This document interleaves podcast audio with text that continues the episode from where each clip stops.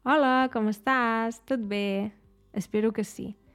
Ara ja fa uns dies, que és el nou any, 2023. Costa acostumar-s'hi, oi? Avui vull parlar-te de propòsits d'any nou. És molt típic que quan s'acaba un any, o quan en comença un de nou, la gent faci propòsits d'any nou. Pensi, mmm, què no va anar gaire bé l'any passat?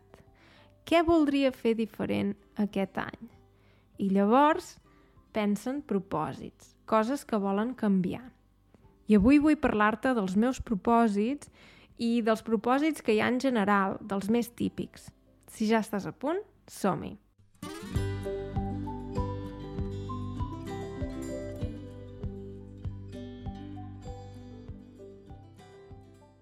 Us volia parlar avui dels propòsits d'any nou.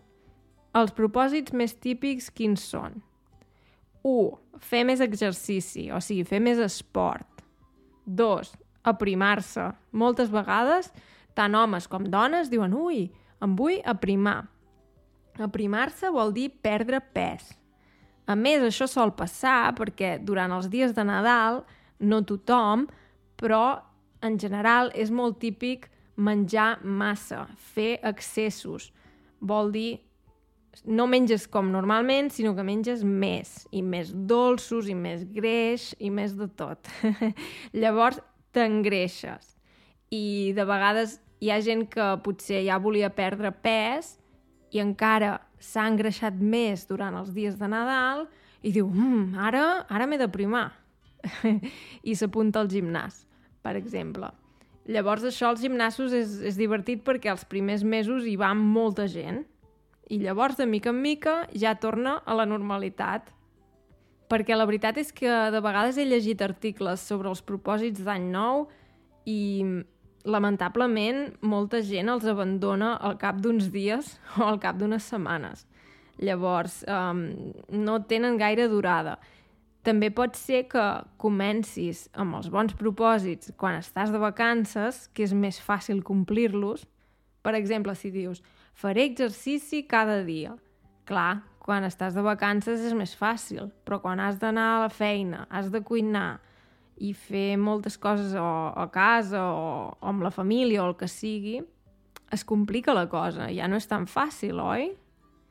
Per això, molta gent abandona els propòsits. A mi aquest any també em passa això, que vull fer més exercici, no perquè m'hagi engreixat o perquè em vulgui aprimar, sinó perquè m'he adonat que quan faig més exercici mm, em trobo millor físicament. O sigui, em trobo físicament millor i mentalment també. O sigui que hi dormo millor i tot.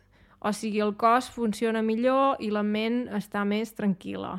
No sé si també t'hi trobes. Però mm, per això vull fer més exercici, més activitat física, sortir més a passejar, durant altres anys també tenia propòsits relacionats amb l'aprenentatge d'idiomes.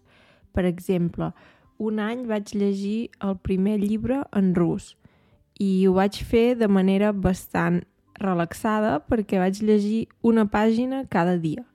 I al final, al cap d'un any, havia llegit un llibre, que era un objectiu que em semblava impossible però aquest any no tinc ganes de tenir propòsits relacionats amb els idiomes. Per què?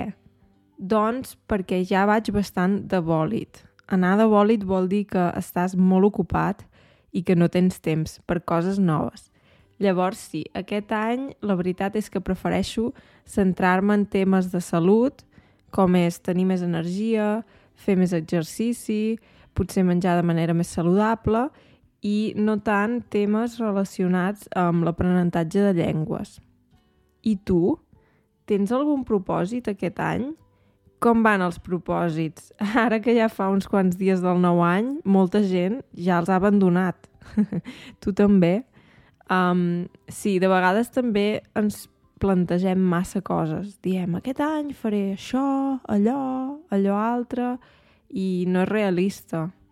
Llavors potser és millor tenir pocs propòsits o potser propòsits més realistes i complir-los i no dir aquest any seré una persona completament diferent. és poc realista normalment. sí, però bé, um, però també és veritat que és un moment de l'any en què volem també posar-nos reptes, o sigui, coses que són difícils d'obtenir o, sí, d'arribar a fer. Però bé, sempre jo crec que s'ha de trobar una mica l'equilibri. O sigui, no fer potser massa poc, però no fer massa, per no cremar-se. Cremar-se vol dir que... Sí, cremar-se, bàsicament. Que ho fas tant o ho vols fer tant que al final no acabes fent res i, i acabes amb un estat d'ànim molt baix o molt trist o molt decebut. Llavors tampoc cal acabar... Jo penso que tampoc cal arribar a aquests extrems. Però vaja, uh, cadascú ha de veure una mica si té molta energia, si té molt temps, uh, si en té moltes ganes... Sempre depèn una mica. No... Jo crec que no hi ha veritats absolutes. Llavors, potser per tu ara mateix uh, veus que et va molt bé tenir un repte, tenir una cosa molt difícil d'aconseguir i potser una altra persona diu uf, jo ara mateix no tinc ni temps, ni energia, ni res.